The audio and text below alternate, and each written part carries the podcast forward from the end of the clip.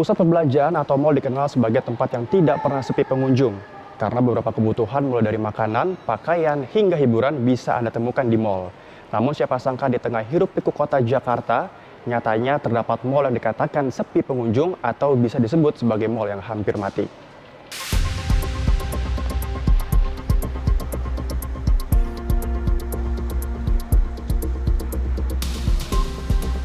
Salah satu mal yang berada di kawasan Jakarta Selatan, Mall Blok M, kini sepi. Padahal, mal yang diresmikan 3 Oktober 1992 oleh Gubernur DKI Wiyogo Atmo Darminto ini pernah menjadi mal yang sangat ramai. Menjadi satu-satunya mal bawah tanah yang terletak di bawah terminal transit terbesar di ibu kota, Mall Blok M memiliki lokasi yang strategis, namun, memudarnya bus kota konvensional membuat mal ini menjadi sepi.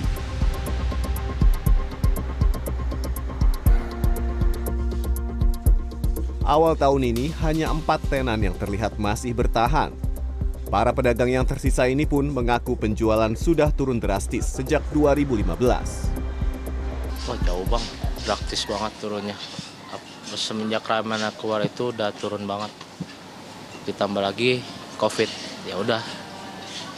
Alasan banyak karena tutup apa? Bang? Disewa sih bang, sewanya yang mahal.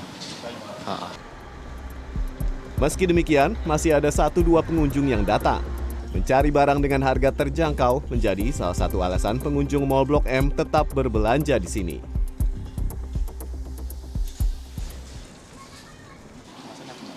Ya mungkin karena banyak pilihan-pilihan gitu untuk baju-bajunya dan juga untuk harganya ya.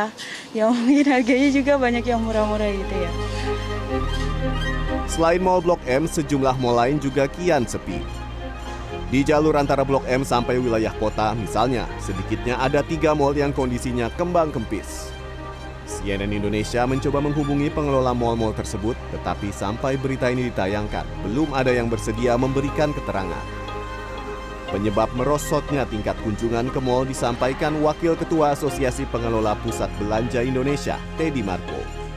Ya, sebenarnya pandemi uh, COVID ya, pandemi COVID itu ataupun uh, cara belanja online itu bukan menjadi penyebab utama gitu ya. Jadi itu hanya hanya salah satu sebab itu. Penyebab utamanya itu adalah karena mal-mal tersebut tidak mengantisipasi perubahan gitu, perubahan tren belanja, gaya hidup gitu. Karena orang itu selalu berubah kan. Sementara kalau mallnya tidak berubah, ya orang pasti akan pergi ke tempat-tempat yang adaptif gitu terhadap perubahan itu. Teddy Marco mengungkapkan dari 96 mall yang tergabung dalam APPBI, sebenarnya hanya segelintir yang hampir mati dan punya masalah sulit menghadapi dinamika perubahan zaman. Kebutuhan dan hidup yang berubah memicu munculnya mall-mall baru serta menuntut mall untuk menghadirkan sesuatu yang unik sehingga menjadi magnet bagi masyarakat. Dan hal tersebut menjadi satu tantangan tersendiri bagi pengelola mall.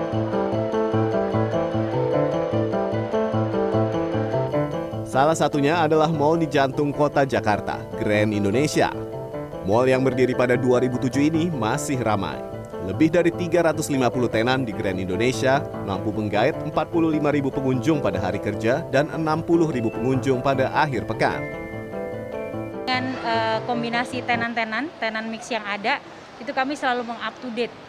Apa-apa aja tenan-tenan yang menjadi tren di luar sana yang nantinya kami akan undang untuk datang ke Indonesia dan membuka tokonya di Indonesia.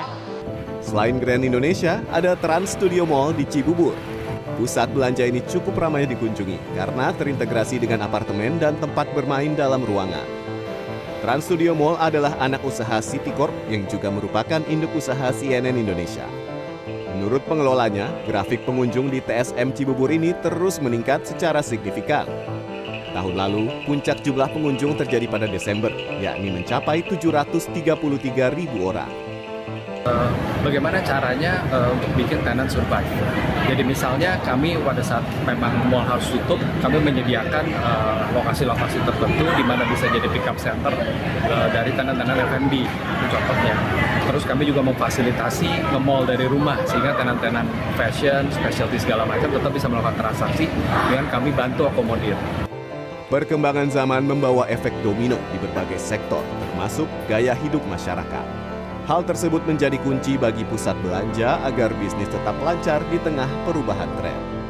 Tim Liputan CNN Indonesia, Jakarta.